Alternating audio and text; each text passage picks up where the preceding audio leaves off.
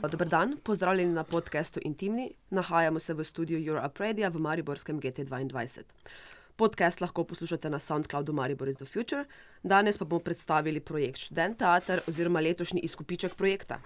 Več o študent teatru je za našo platformo že povedala Inga Remetalani, uh, ampak še enkrat na kratko, gre za projekt, znotraj katerega dijaki in študenti pod mentorskim vodstvom ustvarijo avtorske predstave. Letos jih je bilo 11, mi pa bomo predstavili te, ki so nastajale na intimnem odru, um, to so uh, 108,1 MHz in predstava bo ter Piha bo jugo. Z nami v studiu lepo pozdravljam Asijo Jež. Jojo! Domna Šumna, Zdravo. Marušo Rak, Zdravo! Gala Tišlerja Hej. in Lucijo Klauš. Zdravo. Moje ime je Nika Švab, uh, z nami pa je tudi tehnik Boštjan Eržen. Uh, torej, uh, najprej v začetek prosla, da lahko naši poslušalci dobijo neko širšo uh, sliko o tem, um, kdo vi ste. Če se na hitro predstavite, torej, uh, kdo ste, koliko ste stari in kje se izobražujete. Bom kar začela. Um, jaz sem Asija, eh, študirala sem študiram medijske komunikacije, sicer me pa zanima vse, tako da zelo širok spekter. Uh, v gledališče sem čisto slučajno zavila, uh, vesolje me je poslalo in nekako eh, se mi zdi, da pašem sem. No. Tak, odkrivam pa še vedno, kdo sem, kaj sem, kaj si želim in to je v bistvu um, vsega po malem. Super, naslednji. Uh, jaz sem Domen, uh, mislim, gledališče me zanima že več let in imam tudi namen uh, študirati režijo. Trenutno zaključujem uh, četrti letnik prve gimnazije, uh, sem član gledališke šole in pač letos sem sodeloval pač tudi pri študent teatru in to je to. Okay. Um, jaz sem Maruša, uh, trenutno pauziram, že dve, dvakrat sem provala tudi na AGRFT-ju, tako da me zelo zanima dramska igra. In tudi letos bom poskusila, za gledališčem se v bistvu nekako srečujem že od malih nog. Uh, in zato sem se tudi letos priključila študent teatru zaradi pauziranja, ker me pač to zanima in sem želela nekaj s tem delati tudi to leto. Sem Gal, študiram angliščino in pedagogiko tukaj v Mariboru. Tudi jaz se že vrsto let eh, srečujem z gledališčem in me tudi to zelo zanima, tako igra kot eh, razne, razni vizualni koncepti v gledališču. Eh, In ja, to je bil tudi glavni namen, da sem se vključil v študent teater. Um, zdravo, jaz sem Lucija. Um, sem tudi jaz študiram medijske komunikacije, zdravo. Jo! Um, um, ja, pa ful imam rada gledališče in pač poleg faksa imam ful časa in sem se hotela nečemu takemu priključiti, pa pač ful dost pišem, zato mi je gledališče tudi kul. Cool. No, super, hvala. Um, Maruša, uh, Gal in uh, Lucija so predstavniki uh, kolektiva um, predstave uh, Piha bo jugo. Um, predstava je nastala pod vodstvom uh, igralca Mateža Bibra um, in se uh, ukvarja oziroma preizprašuje neko uh, nostalgijo, ki jo občutimo do Jugoslavije. Um, zakaj je temu tako, um, kakšne, kakšni so vaši pogledi na to? Um, pa bi me zanimalo, um, um, zakaj v bistvu ste se odločili za um, to temo.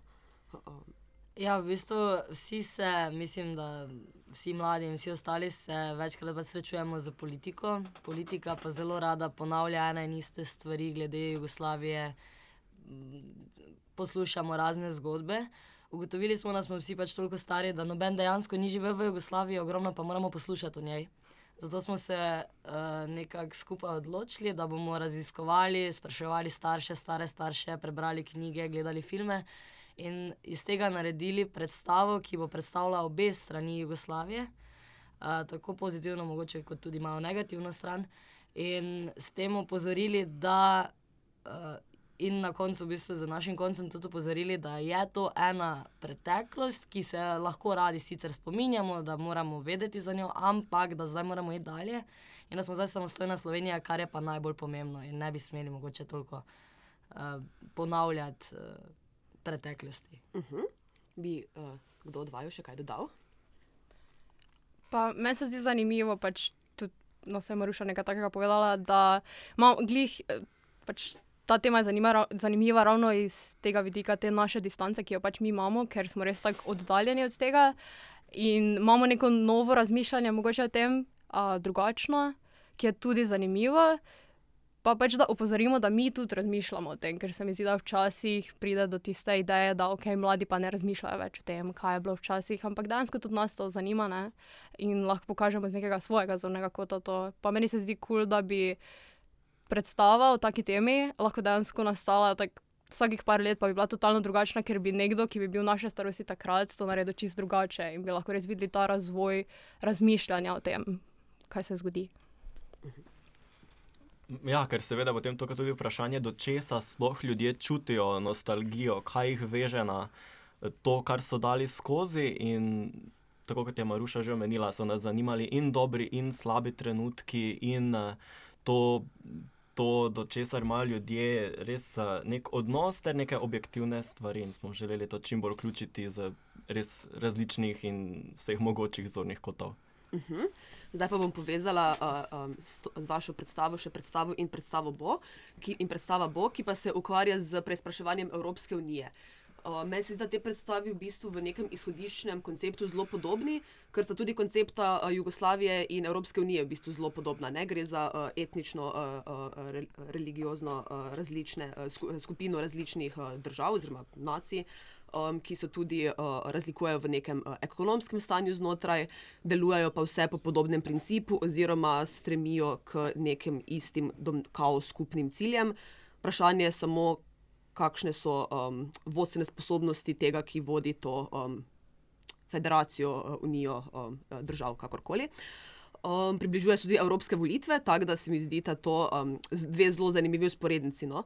Uh, in se mi zdi, da bi se mogoče lahko. Um, iz izkušnje, ki jo imamo, vsaj slovenci, uh, iz izkušnje, ki smo imeli z Jugoslavijo, mogoče lahko tudi kaj naučili, kako pristopati oziroma kako delovati znotraj uh, Evropske uh, unije. Pa bi zdaj besedo predala Krdomnu, da še malo predstavi njun um, projekt uh, in vem, tudi videnje Evropske unije ali pa Jugoslavije, če želiš. Ja, v bistvu smo mi na začetku izhajali iz eh, dveh tekstov, ki so nas zanimali, predvsem eh, iz eh, teksta Evropa Ivana Sajko. Ampak potem sem videl, gotovila, da je v tistem tekstu, v monodrami, zajeta v bistvu cela zgodovina Evro Evrope, od Grčije naprej in potem razvoj. Uh, v bistvu tudi skozi umetnost, kako so Evropo predstavljali na tem belem biku. In potem smo mi skozi začetne delavnice malo pogovarjali se in smo gotovili, da pač bi mogoče začeli iz nekega stališča, ki je bliže nama, v bistvu Evropski uniji. Torej, Eh, torej nekem sedanjem času, neki sedajni situaciji. In v bistvu me zelo iritira trenutno, uh, trenutna atmosfera v Evropski uniji in tudi Evropi nasplošno in po svetu. In smo mogoče iz tega dobila to neko željo, da to uprizoriva, da se ukvarjamo s temi vprašanji, eh, kam v bistvu gre Evropska unija, kaj je prihodnost Evropske unije in kaj se trenutno dogaja, in kaj bo iz tega, kaj se trenutno dogaja v bistvu prišlo v pretek, mislim, v prihodnosti. In smo v bistvu samo se s tem ukvarjali, in potem smo začeli nabirati neki material, um, in v bistvu zelo tako uh, asociativno uh, naredila predstavo na koncu. No, in kar, uh, kar se trenutno dogaja v Evropski uniji, bi lahko po mojem mnenju, najboljše opisali z besedo nestrpnost. Um, tukaj pa nastopi Asija in predstava 108,1 uh, MHz, ki je v bistvu naslov radijske postaje, ki um, tako kot velika večina drugih medijev spodbu, posredno spodbuja nestrpnost uh, in se uh, ne distancira do, oziroma um, ni, ne, kritično ne vstopa v nek diskurs uh, z poslušalci, bralci, uh, z javnostjo v bistvu. Uh, Um, vi ste pa delali uh, z Barbaro Polajner uh, in Uršo uh, Adamič, uh -huh. um, ki sicer delujeta v, uh, um, znotraj gledališča za tiranih in sklepam, da ste tudi vi malo delali po njihovih metodah. Uh, ja, v bistvu mi smo pa vključeni v mednarodni projekt iNet, kjer uh, vsaka država, Srbija, Mačarska, Italija, Hrvaška in Slovenija, vsaka pripravlja predstave na določeno temo, na aktualno temo. Recimo, smo, nam je bil dodeljen, oziroma smo si izbrali uh, tradicijo antifašizma, ki je pač v Sloveniji kot fašizem zelo dolga tradicija. Um, in uh, mi smo se v bistvu osredotočali na vprašanje o tem, kje je meja med uh, sovražnim govorom in svobodo govora. Ne, torej, pač ta neka zelo um, aktualna tematika je vse posod okoli nas. In, uh, ja, mi smo skušali prikazati v bistvu to neko dinamiko med uh, mediji kot uh, posredniki med javnostjo in pač tistim, kar se dogaja v ozadju, in pa med uh, aktivisti, recimo, kot takimi, ki pač opozarjajo na te stvari in na itak stereotipe o teh obeh um, vejah. In pa, ja, mislim, skušali smo tako nekako iz sebe izhajati in iz vsakdanjega življenja, in kaj, kaj, kje so trenutno ostanki fašizma v današnjem svetu. Tako da smo v bistvu skozi sebe, sk- skozi svoje izkušnje uh, in skozi svoje znanja skušali to prikazati. No. Eh, Pa se vam zdi, da vsebine, ki, eh, ki ste se jih vi lotevali v uh, projektu Študent Teater, oziroma v svojih predstavah, da so to teme, ki jih sicer veliko gledate v gledališču ali pa v neki umetnosti? Ja, jaz mislim, da ja, ampak veliko krat so bolj metaforične, uh Mhm. -huh. bolj pač posredno ugotoviš, zakaj se gre. Nekako je uh, integrirano no- v recimo, same odnose. Pa, ne vem, če gledaš med vrsticami, ne, takrat uh -huh. ponavadi vidiš. Um, ker vse je večinoma zakrinkano malo v komičnost, ali pa ne, ker na tak način lažje pride do ljudi. Ne, okay, mogoče se kdo, haha, ha, ha, se zasmeje, pa, pa pomisli, a, a se lahko temu smejim ali ne, ne v uh -huh. takem smislu. In to ni nič slabega. Jaz mislim, da skozi humor pač človek, človeku res pride globje do duše. Ne.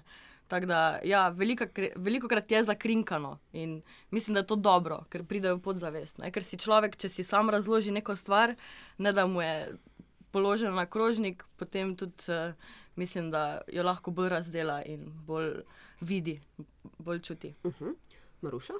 Um, ja, nas je ravno to mogoče, da, tako sem prej povedala, v raznih političnih razgovorih in pogovorih veliko krat slišimo nekaj glede naše teme, ki jo imamo tudi mi pri predstavi, torej Jugoslavi. Medtem ko se mi pa zdi, da uh, umetniška scena ne um, uprizarja ravno veliko na to temo, oziroma če že so, ponavadi vse takšen tis sem jaz dobila bolj pozitivne stvari kot negativne. Uh -huh. In uh, kar spet, tak, se bom malo ponovila, ni nič narobe, ker so bile zelo pozitivne stvari in zelo dobre, ampak sem, tako smo mi potem nekako probali um, doseči, je, da pokažemo obe strani in da se pač mogoče marsikdo, ne vem, zdaj mogoče spomni česa, zaveda ali nauči na novo, kakorkoli. Da um, obstajata dve strani. No. Tako da mislim, da se zdaj trenutno ne oprizarja dosti glede te teme, sploh na področju umetnosti. No. Ampak bi si pa želeli gledati več na to temo? Sklepam, da ja. Ja.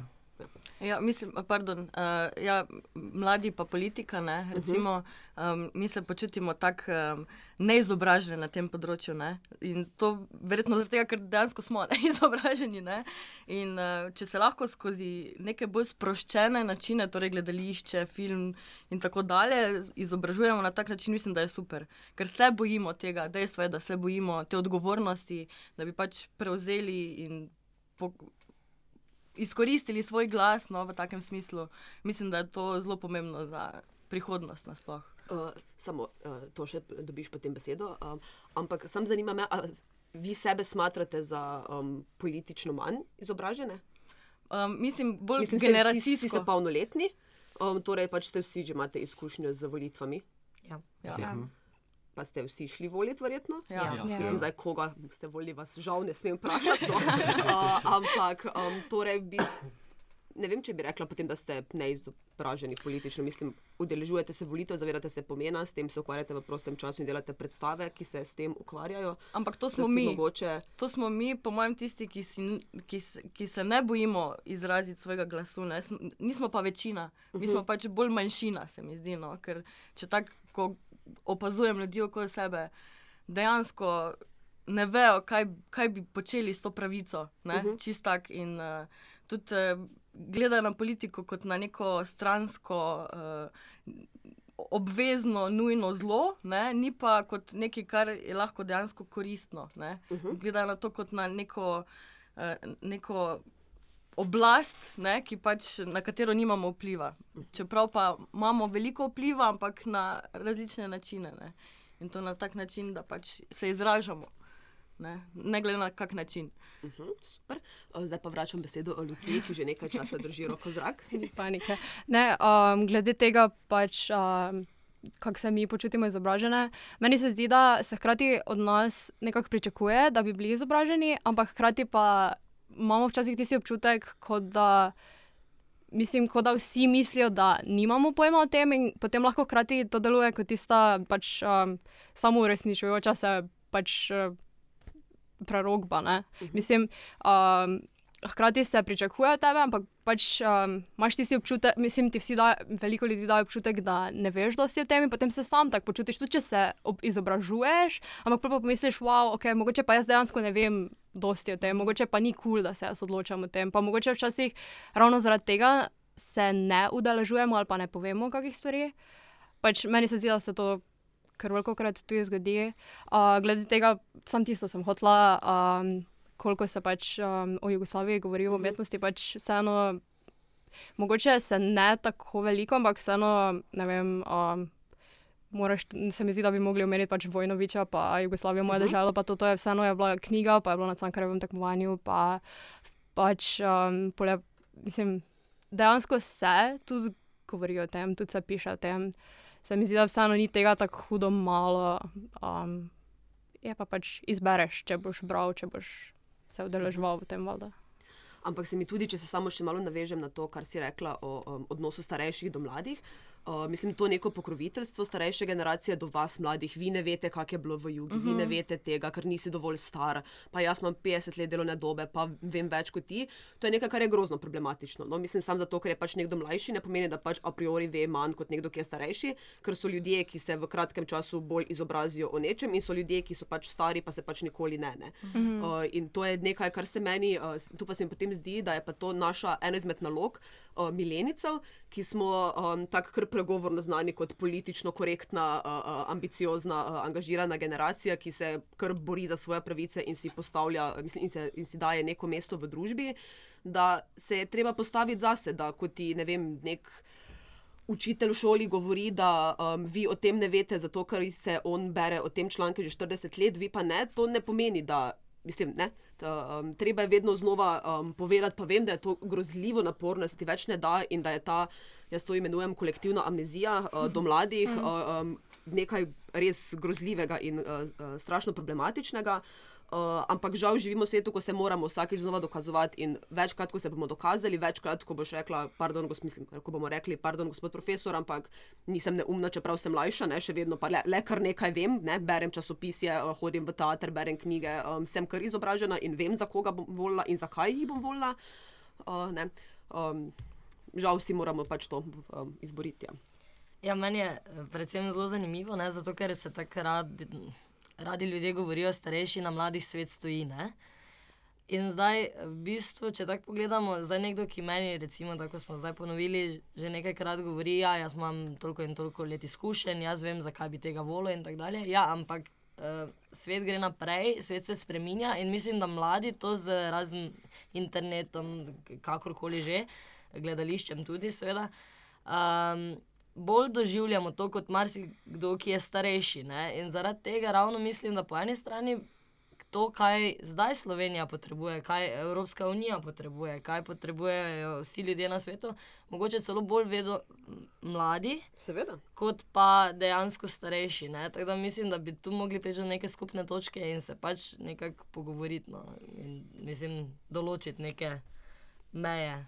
Absolutno. In dajmo ne pozabiti, da dan danes na volitvah uh, mora, na, na volitve mora človek bistveno bolj pripravljen kot recimo 30 let nazaj, mm. ker lani je na parlamentarnih volitvah kandidiralo 21 strank. Mislim, prebrati se te programe, ki se ne razlikujejo tako fejs, ampak mm. samo v nekih nijansah ja. in to analizirati in ugotoviti. Eh, s katerim programom si ti res strinjaš, to res ni tako lahko, no, ko imaš pa tri stranke. Ja, uh, to je sedemkrat več. To je prava raziskava. Res je, res je. Um, da domen bi še ti kaj dodal, mogoče ti se tudi kar ukvarjaš s tem. Ja, mogoče meni se zdi predvsem problem s volitvami, kako ljudje pristopajo do njih.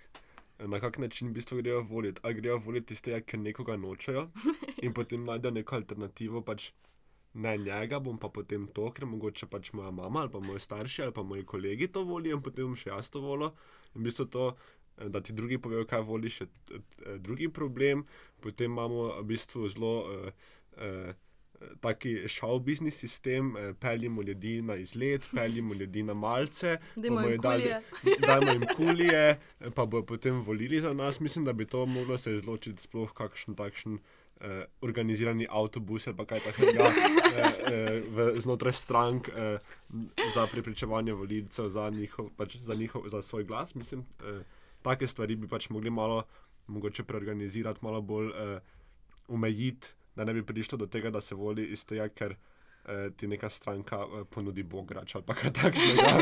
Ja, to, To je- Mi smo potrošniška kultura, ne? padamo samo na to, če nam nekaj nekdo da, pa bomo dali nazaj, ne? če ne pa nič. Ja, mislim, to je problem, ker v bistvu volimo pa za nekoga, ki bo odločal o, našem, ne vem, eh, o naših financah za naslednje štiri leta. Ne. Mislim, to pa je samo nekaj velikega in pač nekaj odločilnega, kako boš ti hodila v šolo, ka, kakšne bodo tvoje pravice v nadaljevanju in kaj se bo dogajalo z ljudmi okoli tebe, kaj se bo dogajalo z eh, lastniki podjetij, kaj se bo dogajalo s podjetji, kaj bo se dogajalo s tvojim delovnim mestom. In to so ful pomembne stvari, ki se tiče vsakega posameznika in imaš potem eh, različne stranke, ki ponujajo različne stvari. Ne? In mislim, če voliš nekoga, ki bo ti dal bograč, ampak ti bo v resnici v naslednjih štirih letih eh, ta bograč petkrat odzel, je to problem, najverjetneje. Ne? Uh, pa so to neke teme, kati, uh, uh, o katerih se pogovarjate z, um, v družbi, pa zdaj sem ne mislim v petek, ko greste zvečer na pivo, da morate pripravljati kampanjo za naslednje evropske volitve, ampak tako, no, mislim, je to nekaj, uh, se gibate v družbi, kjer uh, um, lahko delite uh, o tem mnenja. Ponavadi Um, na afterju. naprimer vse to, vse to, recimo kar uh, va- uh, 108,1 uh, razpira, ne? od antifašizma, veganstva, medijskega, whatever, uh, potem do uh, boja uh, za emancipacijo žensk. ne. Včeraj je bil dan žena, dajmo še kaj na to temo reči, pa smo le štiri. Odvisno, v kakšni družbi si. Ne? Včasih greš v družbo zato, da se pogovarjaš o vremenu, ker včasih pač tako paše, ne? včasih pa si v družbi, ko filozofiraš, tako da si na odru. ne. Mislim. In to, mislim, to. Jaz recimo imam rada oboje. Ne, uh -huh. ne maram zdaj skozi uh, nekih globokih tem, ker tudi pol zamudiš ta trenutek. Ne? Ampak uh, ja, se mi zdi to ful pomembno. Sploh recimo, če, se, recimo, če študiraš na, neki določeni, na nekem določenem študiju, se mi zdi, da na tistem mestu lahko res predebatiraš, ker so ljudje, ki imajo podoben način mišljenja kot ti. Recimo, in potem ljudje se tako združujemo v skupnosti, vedno, ne? pač vsak dan se najdemo in se združujemo in debatiramo. In, ampak eh, tega je ful premalo, se mi zdi tako. Namesto da bi šli en petek družabne igre, pa debate, ne, pač se ga vsi usekamo tako, da sploh ne vemo več, kaj, kaj sploh ne znamo več govoriti včasih, ne, ampak um, mislim, da, da na tak način, da se osveščamo preko gledališča, pa uh, recimo radija, ne, da se pa odpirajo take teme tudi med mladimi bolj. Uh -huh. In da jim približamo na tak način, da je res uh, to nekaj, o čemer se lahko pogovarjamo. Ne. Ker večina se tudi ne upa o tem pogovarjati. Čist tak. Uh, Gal, ti si najbolj tiho. Kaj dodam, se seče to po izbiri vredno, ampak uh, da ti dam vseeno možnost. No, pač uh, se strinjam, ja, da je nekaj takega, kar se lahko, vsaj v moji družbi je to tema, o kateri se lahko pogovarjaš, ampak se mi zdi, da je velik problem, problem ravno ta po eni strani neizobraženost, ker jaz osebno nisem tako zelo izobražen, kar se tiče politike, zato ker imam tisto stališče, da pač sam nekega vpliva na neke spremembe nimam in zato se potem tudi ne ukvarjam s takimi stvarmi. Po drugi strani pa so nekateri, nekateri ti člani moje družbe taki, ki pa imajo zelo močno stališče in potem hkrati ne dajo priložnosti nobenemu drugemu pogledu. In se mi zdi, da včasih zna biti to ravno problem v družbi, ker imaš potem ta nek konflikt med tistimi, ki imajo izrazito močna stališča in eh, vedo za, vedo za čisto vsako ali nejico, zakaj stojijo. Imaš pa potem ljudi, kot so recimo jaz, ki pa pač gledam na to zelo fleksibilno in ki poskušam najti neke prednosti in slabosti v skoraj vsaki temi. In se mi zdi, da včasih pride do nekega problema v tem pogovoru, kaj pa je zdaj dobro, kaj pa zdaj za naprej. In pa tudi ta odnos potem do tega, kaj pa se je zgodilo in kaj se dogaja sedaj. Glih taka prijateljstva so najboljša, se mi zdi. Jaz imam rada prijatelje, s katerimi se ne strinjam.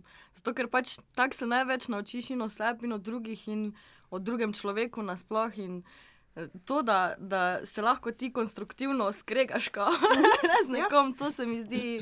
Uh, mislim pa, da lahko še vseeno ostaneš prijatelj. Ne? To se mi zdi ono najboljše. To je v bistvu uh, cilj antifašizma. Ne? Pač vsak lahko ima svoje mnenje.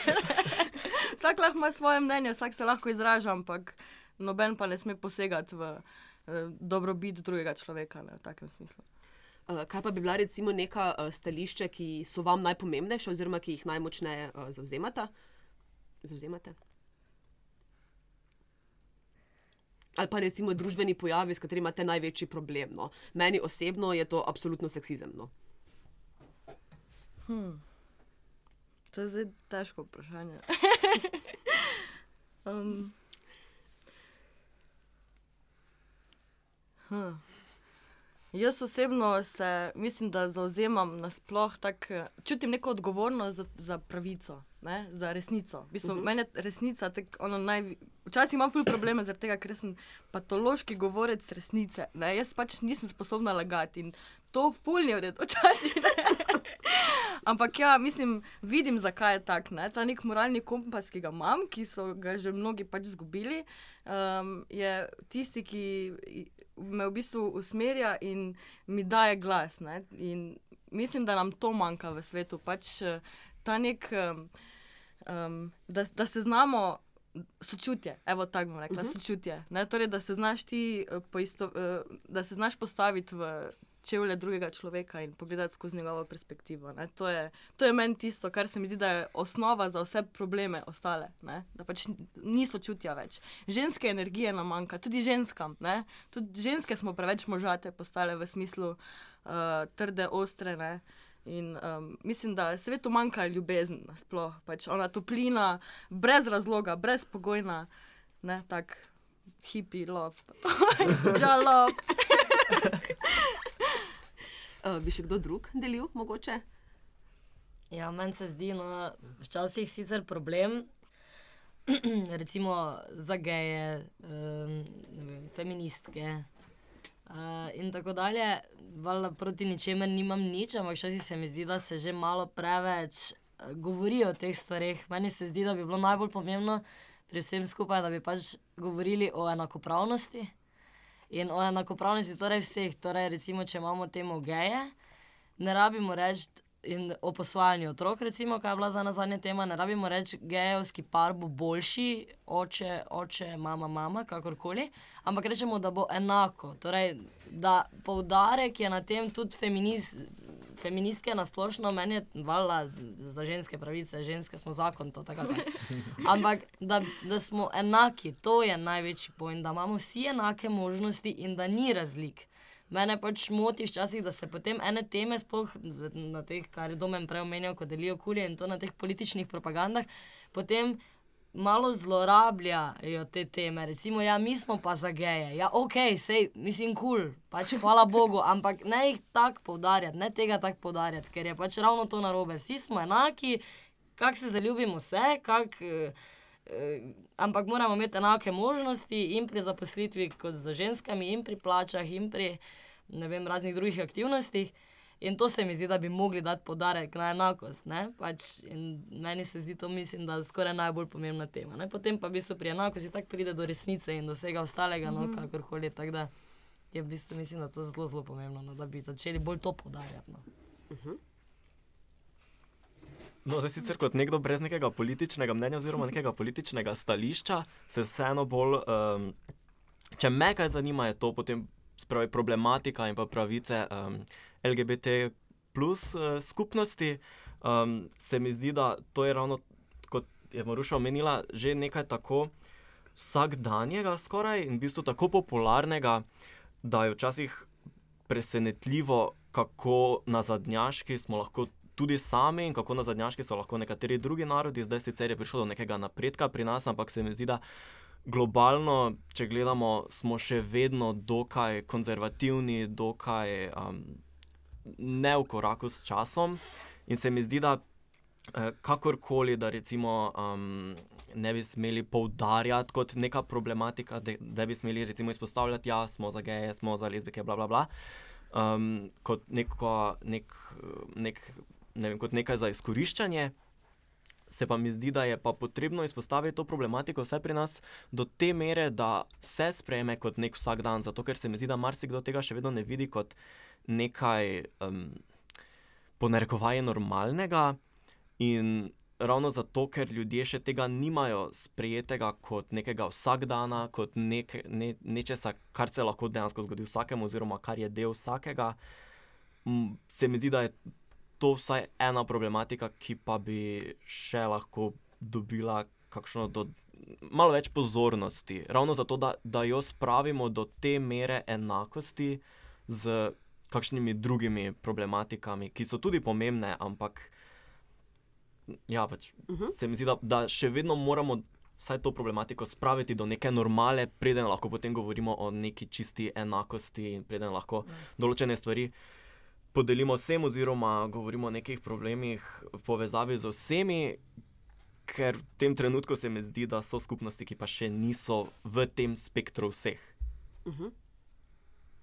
Bi še vidva? Um. Ja, jaz imam. Uh, to me že čaka, pa ne vem, kaj je stvar starejša.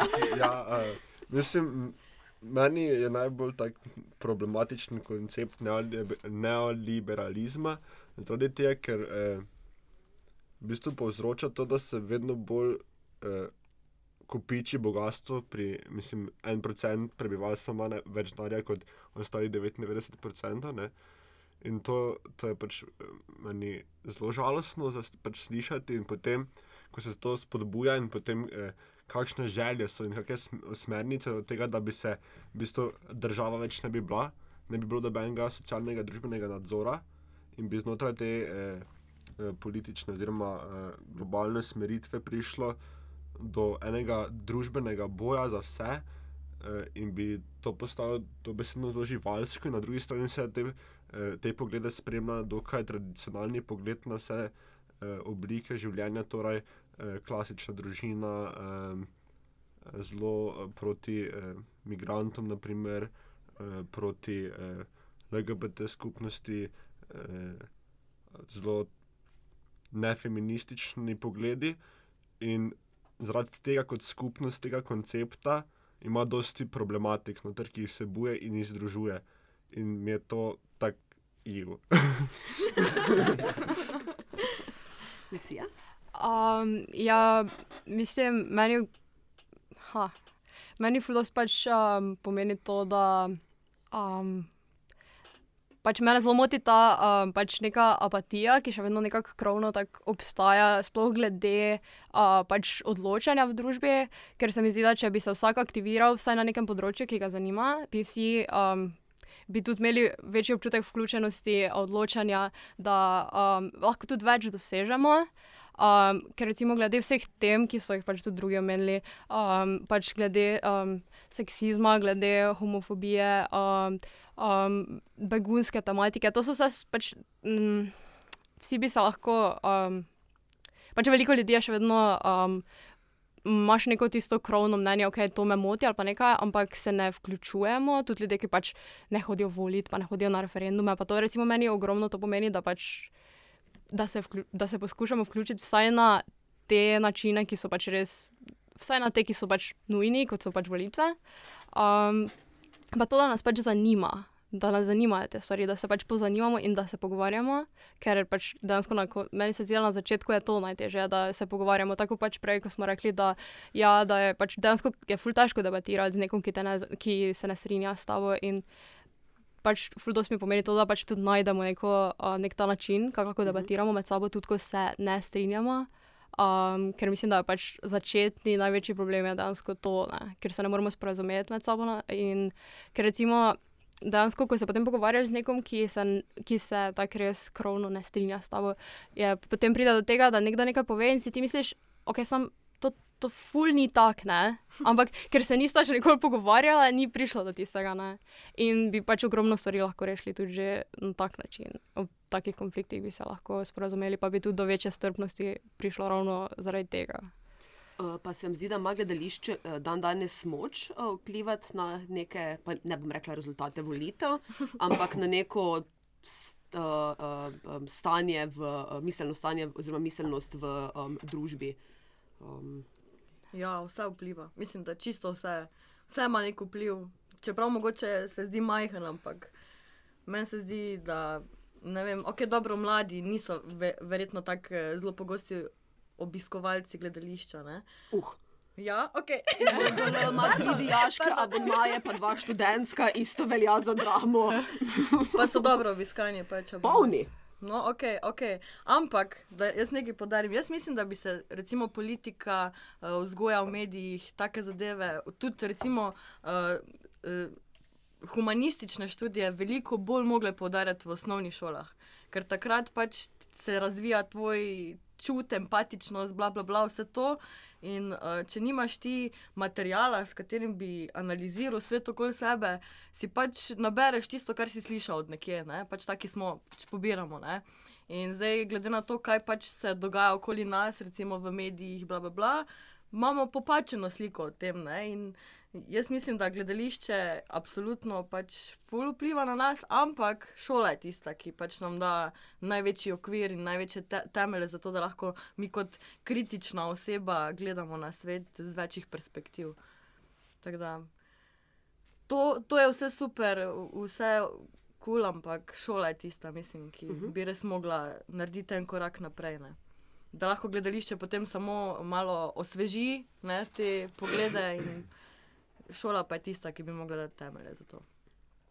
Mislim, se. Mhm, Domen? mislim, da je trenutno dokaz, da kakšno moč ima gledališče Poljska. Za n- trenutno vlado, ki je zelo močno desničarsko usmerjena in so v bistvu zamenjali vse direktore institucionalnih gledališč, in tam od zdaj naprej se ne predvajajo dobene družbeno-kritične drame in so zelo eh, ksenofobno usmerjene eh, predstave tam predvajane. In dokaz je tudi v Sloveniji se dogaja podobno, da so pač eh, budžeti za predstave in za institucionalna eh, gledališča, nasploh za teater in umetnost, vedno manjši in vedno bolj je splošna klima do umetnosti zelo negativnost. Eh, nastrojena. In naprimer imamo pri, primer eh, mladinskega teatra, kjer v bistvu eh, ministrstvo jih sovraži, pravzaprav, ne? in jih sploh ne ceni kot umetnike, ker so zelo družbeno kritični. In mislim, da eh, je tu en konflikt med politiko, ki je nažalost na, na žalost v Sloveniji uspela prepričati prebivalce, da je umetnost nekaj manj vrednega. Eh, na drugi strani imamo pa še vedno te. Pač ja, se super, dokler bomo predvajali, ne vem, eh, takšne eh, preproste drame z neko negloboko vsebino, z ne, neko kritičnostjo, odlično, bomo vam pa dali še 200 ur več, mislim, ni panike, zato bo, zato bo denar, za eno lepo baletno predstavo, ko bo se nekdo malo zibal po odru, super. Če boste pa povedali, da nekaj ni kul, cool, pa mogoče pa rajši ne. Jaz sem mladinsko je zelo simptomatičen primer um, tega nekega splošnega stanja no, do um, umetnosti, oziroma nekega vibra, recimo, ki vlada. Um, tudi, recimo, ko si omenil Poljsko, mislim, da oni so imeli enako izkušnjo na češkem, ne lani, spomladi z gostovanjem Frličeve predstave, ko so neonacisti pač stali sred odra in prekinili predstavo, um, pa vdirali v teater, pa zakupili predstavo. Mislim, to je istočasno rahlo duhovito, ampak tudi zelo- zelo Groteskno. Mislim, pač to, je, to, je, to je res farsano, mislim, tega človek ne bi pričakoval, no, da se bo to zgodilo. Uh, ampak ja, bi še uh, kdo od vas, uh, treh? Ja, meni se zdi, da recimo to, kar je Domen tudi povedal, no, uh, ta pogled na umetnost, ne, in tudi, v bistvu, kaj si ti povedala, je v bistvu, po mojem, spet, da bi mogli umetnost v kakršnem koli pogledu, ne samo v gledališču, film, gledališče, magari slikarstvo, kakorkoli, uh, približati mladim, čim mlajšim. Torej, magari že res osnovna šola, tudi peti, četrti razred, kakorkoli, takrat, ko se otrok nekaj začne zavedati, kaj se dogaja okoli njega. Ne? In to se mi zdi potem spet. Uh, pa zelo dobro, da bi recimo spet, mogoče se malo navežem na naše predstave, spet obe strani, pa ne zdaj sploh glede Jugoslavije, ampak na splošno, ne? glede pogledov na svet. Ne? Uh, mogoče ne za vse, da je zelo družbeno kritično in vse je slabo in negativno, ampak eh, v bistvu predstaviti skozi različne predstave, otroške predstave, kakorkoli neka dejstva, ki so zdaj spet resnico, mogoče kakorkoli ne. In um, mislim, da si potem otrok, kakorkoli, nekako lahko res ustvari svoje mnenje. Ne? Ker že tako smo bili prej pred, pri volitvah. Jaz recimo priznam, da imam mogoče kar ostro mnenje glede politike in tako dalje. S tem, da nam je uspelo celo debatirati enkrat, no, ko smo imeli. smo uspeli debatirati kar dve uri o tem, ampak ok, super. Uh, ampak se mi pa vseeno, uh, mogoče imam malo bolj ostro mnenje, zato ker sem včasih obkrožena z ljudmi, ki, začnem z njimi o tem debatirati in potem rečem, zakaj pa imaš takšno mišljenje. Ja, uh, ne vem pač, a ta mane. Mislim, ok, nič narobe, ne, ampak jaz znam z človekom debatirati, ki ima neke argumente. Ne, ne, ne moti, da ima nekdo drugačno mišljenje, ne moti me nobena druga, noben drug pogled na to, ampak me pa moti, če nekdo ima svoje, svoje mnenje pod narekovaj, samo zaradi tega, ker je nekaj slišal od svojih staršev, babi, zdaj, kakorkoli. Uh, in tu se mi zdi, da bi gledališče, umetnost, tudi skozi ples, recimo, kakorkoli, zelo, zelo pripomoglo k temu, ne samo glede politike, glede marsikaterih po, drugih pogledov ali na družbo ali na svet. In tako bi se, mislim, da potem lažje tudi razvijal pogled na politiko, ker se mislim, lahko nekdo reče, da politika ni pomembna in to slišimo ogromno krat. Ampak politika je čisto vse, ne? tako je predomen rekel. Koliko boš dobil, kaj boš dobil, kaj boš lahko volil v naslednjih letih, mislim, karkoli. Sploh pa v kulturi, ko pač vemo, da je ogromno nekakšnih svobodnih umetnikov, ki rabijo denar, je pač to politika, ministrstvo razpolaga z tem denarjem. Pač mislim, da bi se moglo malo bolj ozaveščati, da je to je pomembno in še to, da si pač vsak ustvari svoje mnenje. Ne glede na to, kakršno koli že je, okay, ampak da za tem stališčem nekako stoji, je pa sicer vseeno toliko odprt, da pač če spozna, da ima nekdo drug. Drugo stališče in mu je to stališče bližje, pa je pripravljen tudi stališče, seveda, spremeniti. In to se mi zdi pač zelo, zelo pomembno. No. Uh -huh. Uh, ja, se mi zdi, da to pač, da gledališče ima veliko moč in se mi zdi, da je velik problem včasih ravno, uh, kdaj gledališče pripomore k uh, neki kritičnosti, kar se tiče politične situacije, in kdaj je gledališče le še eno od političnih orodij, ravno tako kot je Domen omenil, spet glede sredstev, glede vodstva.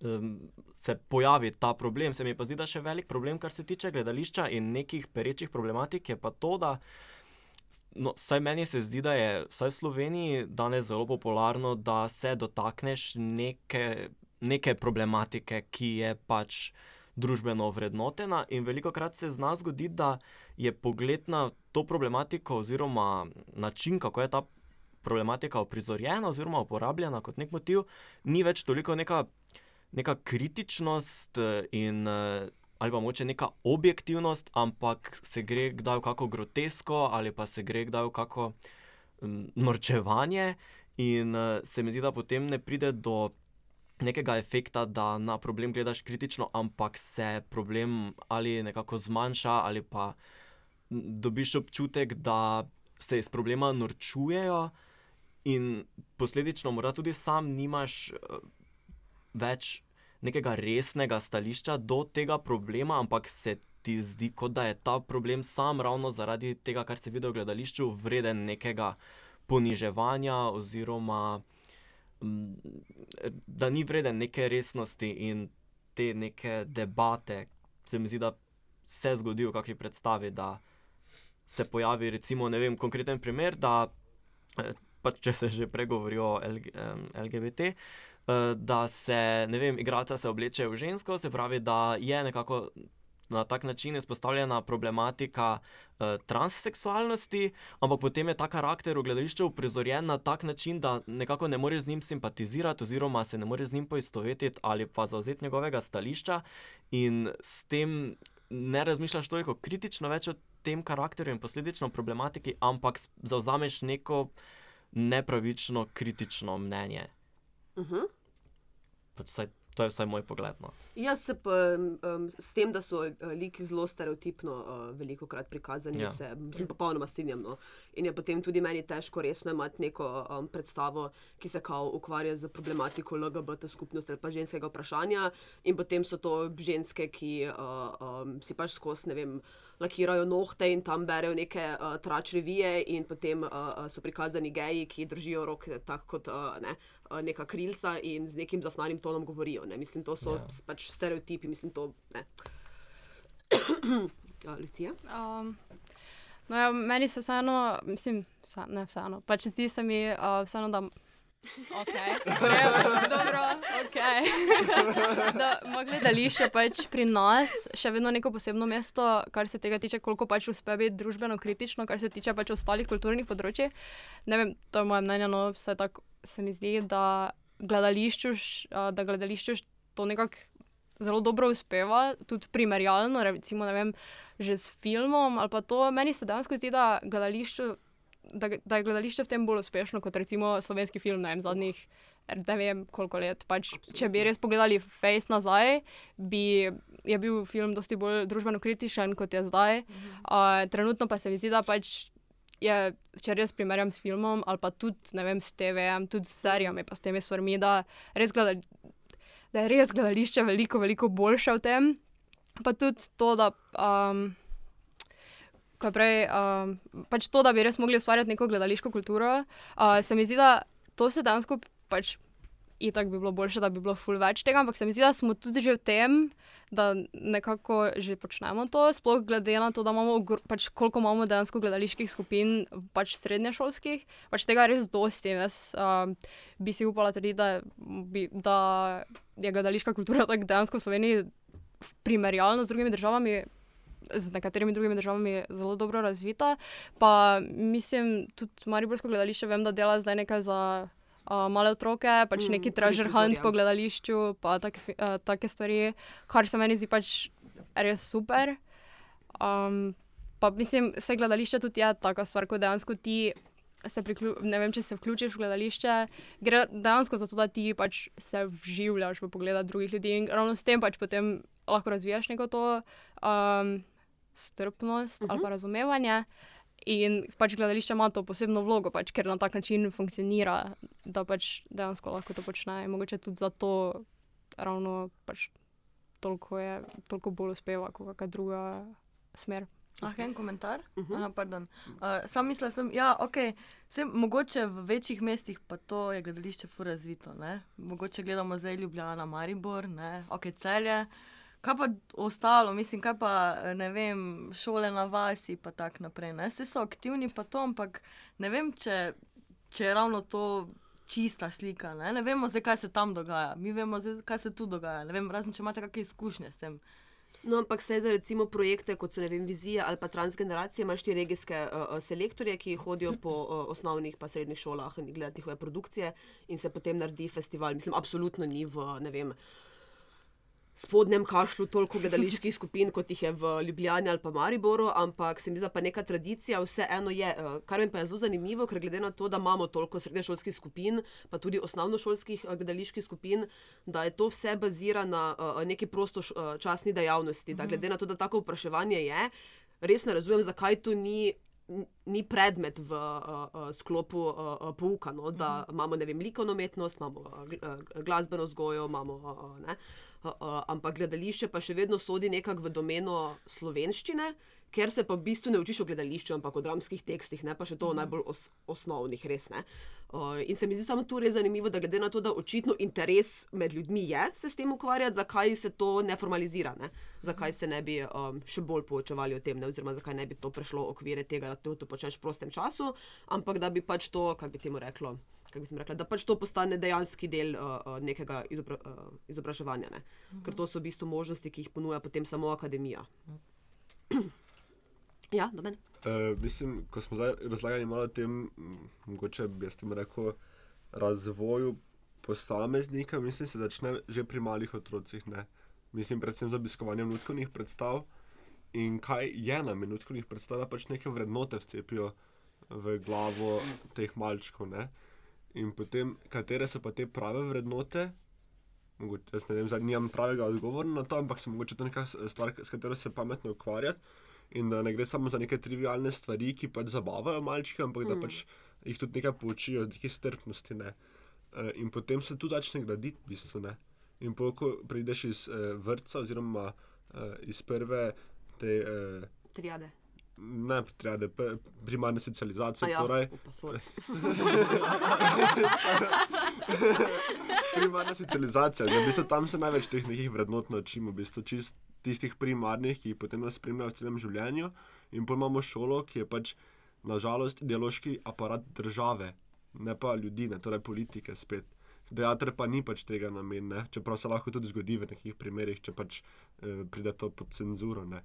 Eh, in v bistvu to bi moglo biti en taka organiziran sistem, od prve ljudske predstave, ki jo ti pogledaš, do zadnje predstave pred smrtjo, da te to vse skupaj, da te to vse skupaj, da te to vse skupaj nekaj vzgaja, da te usmerja ne, Ja, v ja. neke, v neke eh, da postaneš razmišljajoč, da postaneš kritičen.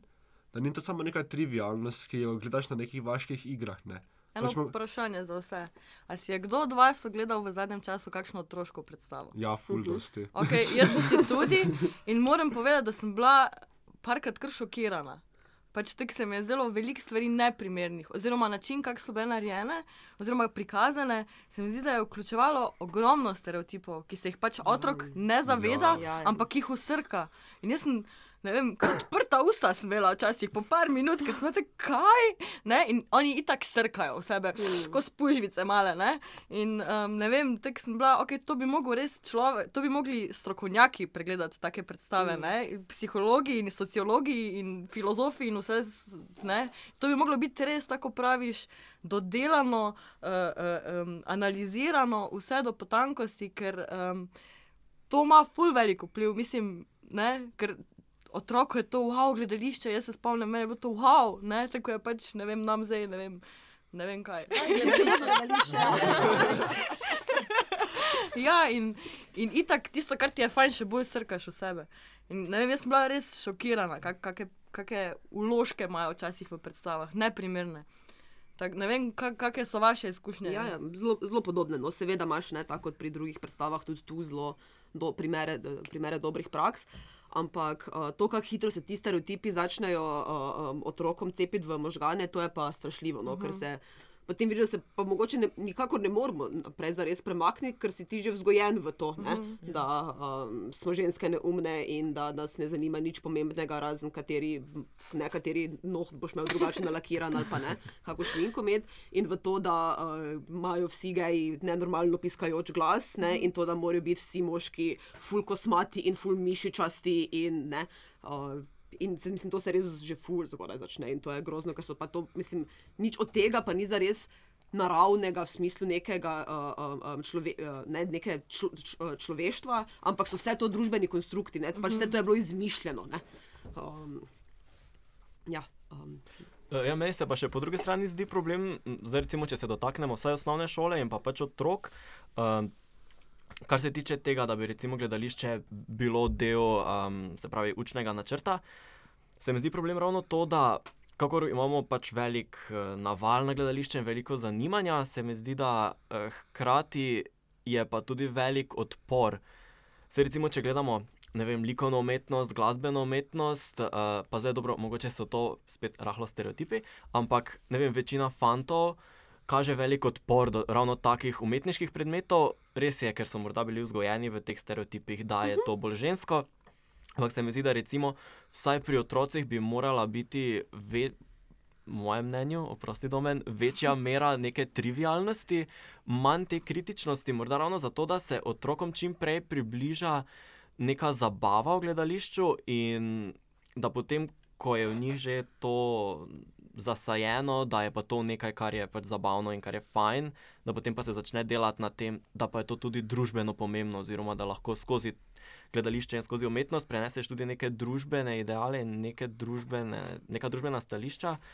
Uh, ne zdaj, da moral, ne zdaj, to zdaj ne pomeni, da recimo imamo otroško predstavo in potem podpiramo stereotipe, ampak se mi zdi, da vsaj v nekih prvih razredih morda bolj odklon od uh, nekih družbenih stališč in nekih družbenih konstruktov in bolj poudarek na čisto splošni zabavi.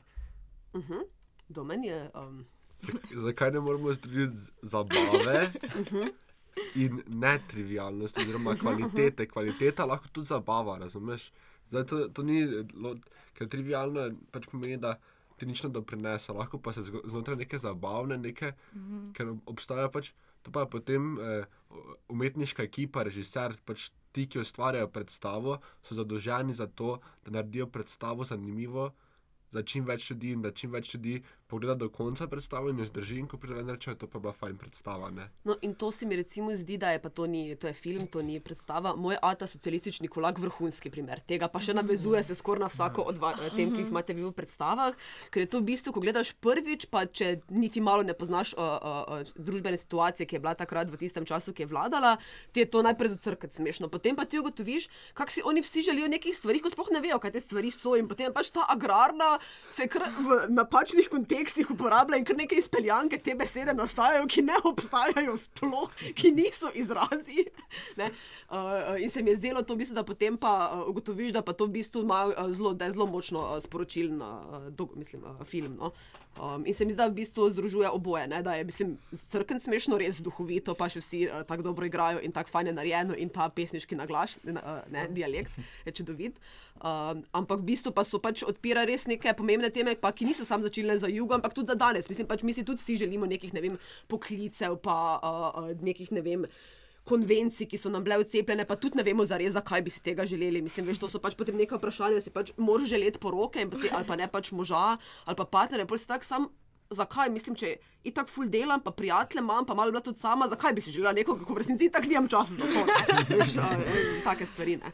Um, Ja, uh, bi še kdo uh, mogoče uh, kaj dodal, pa recimo, uh, katere teme bi si še želeli več gledati v teatru? Um, Um, meni se zdi, eh, zdaj, če smo že bili pri zabavi, no, da mene še malo moti, pa to pa ni samo pri gledališču, v bistvu pri celotni umetnosti. Uh, se mi zdi, da ljudje začnejo gledati na umetniško delo takrat, ko je nekaj depresivno, oziroma takrat, ko je nekaj Šokantno. Tako. In to me moti. Um, ne, že veliko krat sem slišala, in tudi v bistvu je potrjeno, da je dobro komedijo teže narediti kot do, dobro tragedijo oziroma dro, dobro dramo. Ne. In um, zato se mi zdi, da če hočemo, če hoče gledališče, ne samo otroke, ampak v bistvu širšo množico privabiti, ker zdaj vseeno, koliko je mogoče dijaški obiskan, pa tako se zgodi, da je že ponovitev na pol prazna, to se je zdaj recimo zgodilo v celju na zadnji predstavi. Um, na Ljudomrzniku? uh, ja. O, oh, fuck. um, je bila v bistvu dvorana na pol prazna in je v bistvu tudi, um, mislim, žalostno. Ne? In se mi zdi zelo, zelo fajn, da bi recimo širšo množico pa privabili z nekimi. Ali zabavnimi temami, ali temami, ki so ljudem blizu v vsakodnevnem. Mislim, nekdo, ki prebere recimo naslov Romeo in Julija, igra v gledališču in potem pride eh, v gledališče in se ne srečuje z gledališčem, toliko kot se recimo mi tukaj. In vidi na sceni na mesto Verone in balkona in vsega lepega, recimo eno mizo in en stol, mene ne moti, res ne. Ker rada razmišljam o predstavi, ker si rada to po svoje razlagam, nekoga pa zmoti. Ne? Mogoče ne rabimo vsake predstave, ki jo naredimo, narediti, da vse prenesemo ljudem na pladnjo. Lahko pa damo vsake toliko ljudem predstavo, ki v bistvu prebereš naslov in prebereš opis in to dejansko dobiš. ne. Um, torej, ni mogoče toliko razmišljanja v vsaki predstavi, ne vem, da potem moraš ne vem koliko filozofirati in že vmes razmišljati, si čist not in fa, kaj se zdaj dogaja, o moj bog, ne pač. Da, dejansko je vem, ena izmed takih predstav, ki sem si jih jaz res zapomnila, že dolgo časa nazaj bila v Mariboru, je revizor. Uh -huh. Mislim, ful simpatična predstava, zelo, zelo dobro obiskana. Uh Mhm. -huh. Se spomnim, da res sem še, mislim, da sem ga vse skupaj trikrat gledala in vedno je bila polna. In res je bila prikazana točno tako, kot pač naj, mislim, če je kdo bral revizorja, Ja, ja, ja. je bila tak. Ne? In uh, se mi zdi, da je to ravno ljudi pritegnilo. No? Da lahko imamo predstave, ki so družbeno kritične, ki so mm, tragične, ki so tak, ampak moramo pa imeti mogoče tudi eno zabavno stran, ali pa pač res, tako sem prej rekla, no, nekaj dobrih komedij, ampak res dobrih komedij. Ne? Torej, ne zdaj se norčevati iz nekih, tako smo prej rekli, stereotipov, ampak uporabimo dobre komedije, na vse zadnje, ne vem zakaj ponavljamo predstave, mislim, jaz obožujem Moljera, Shakespearea in tako dalje, ampak zakaj, če imamo toliko dobrih, res dobrih, tudi sodobnih tekstov. Pač nekako se mogoče tako lažje približaš tudi mladim, uh, ki mogoče se drugače ne ukvarjajo toliko z gledališčem, oziroma ga prej niso obiskovali, pa bi pa to predstavo šli gledati, ker pa ima neko tako temo. No. To se mi zdi zelo Se pa popolnoma strinjam in se mi tudi zdi, da revizor je v bistvu primer dobre prakse, ki združuje vse, kar smo povedali. Ne? Je zabaven, je komičen, je točno to, kar uh, prebereš v naslovu in je istočasno tudi družbeno kritičen. Ja. Je pa to v, v največji meri potem pa dožnost verjetno umetniških vodij in direktorjev, da pač nastavijo tak repertoar, ne? da je pač in za vsakega nekaj, po drugi strani pa tudi to, da se najdejo, ker obstajajo teksti, ki združujejo vse to, ne samo revizor, ki so in duhoviti, in zabavni, in uh, um, kako bi se temu reklo, razumljivi in družbeno kritični istočasno, in uh, um, jih je treba samo najti, oziroma biti tudi dovolj pogumen, da ne daješ na repertoar skozi Shakespeare pa Moljerja, ker veš, da bojo šole to skozi hodile gledati, ker imajo v učnem načrtu, ampak da bojo ljudje tudi to hodili gledati, ker jih zanima in ker ne, tudi malo razkirati, ne včasih. Pa, mislim, da premalo cenimo, tako smo že prej povedali, pač slovensko kulturo. Mi imamo toliko ogromno dobrega materiala, napisanega strani slovencev, slovenk in ga pustimo, da se praši v knjižnicah in tako in v arhivih, namesto da bi malo tu posegali. Ok, sej ti vsi znani svetovni uh, umetniki so kul, cool, pa vse, ampak um, če smo mi Slovenija. Oni, oni so v bistvu razumeli, živeli v tistem času in zato, da mi lahko razumemo sedanjost, tako moramo preučiti malo zgodovino. Ne? In um, meni se zdi ful premalo tega, no, da raje posegamo po tujih uh, avtorjih, kot pa da uh, raziščemo malo svoje, svoje tlane, ki so res bogata, res so bogata. Res je, in to so, uh, tu se mi zdi, da sem zelo vesela, ker začenja kar nekaj inicijativ, ki se uh, ukvarjajo s problemom sploh sodobne uh, dramatike slovenske, ki je pa res sama sebi namenjena. Mi imamo tako ogromno natečajev, pa razpisov za najboljše besedilo in potem se s tem ne zgodi nič. V najboljšem primeru Grumo nagrajenec, ki je vsako tretje leto isti, pač dobi potem prizoritev in to je potem to. Ampak je pa tu cel kup nekih festivalov sodobne dramske pisave, kot recimo Skrik, ki bo zdaj marca, pa uh, mladih, ki hodimo na te delavnice, napišemo po tri tekste na leto. To pa potem v najboljšem primeru pač pride do bralne prizoritve in potem je to. Hvala Bogu, da saj si gledal, pač objavlja tekste. No? Uh, in zdaj se, hvala Bogu, spostavlja res veliko nekih teh inicijativ, kako to vključiti v družbo. Tudi Simona Semenič je pisala za dnevnik mesec. CCA mesec nazaj, super kolumno o tem, zakaj pa se res tako bojimo mlade slovenske dramatike. No, mislim, zakaj je uh, ne, um, zakaj ta fiksacija na uveljavljene avtorje, pa na kanon, uh, če b, bolj sodobne, pa včasih tudi boljše stvari pišejo neuveljavljeni uh, avtori in avtorice. Ne. Um, Tada se mi zdi to super um, tema in upam, da se bo to kaj uh, ne, spremenilo um, v kratkem. Uh, zdaj pa bi, um, če bi še ima kdo za konec, kako um, misel, željo, kar, stališče, vrednote, karkoli, kar bi si še želeli uh, deliti s poslušalci. Izražajmo se, mejmo, smo, mejme, mejmo se radi, ni nujno, da se razumemo v smislu, da uh, se štekamo, ne, ampak da se sprejemamo. To je bistvo, po mojem. Ne. Še kdo? No, jaz si za konec želim, recimo, da se uh, vidimo um, večkrat tu na predstavah in v, um, če, na evropskih volitvah med 26. majem in da bomo imeli pripravljene, uh, pripravljena stališča. Uh, hvala vsem za ta uh, super pogovor, uh, hvala Boštjanu, da si nas posnel in da nas boš editiral. Um, pa vljudno vabljeni na vse predstave na intimnem odru. Hvala. Hvala, Hvala. čau, čau. Adios.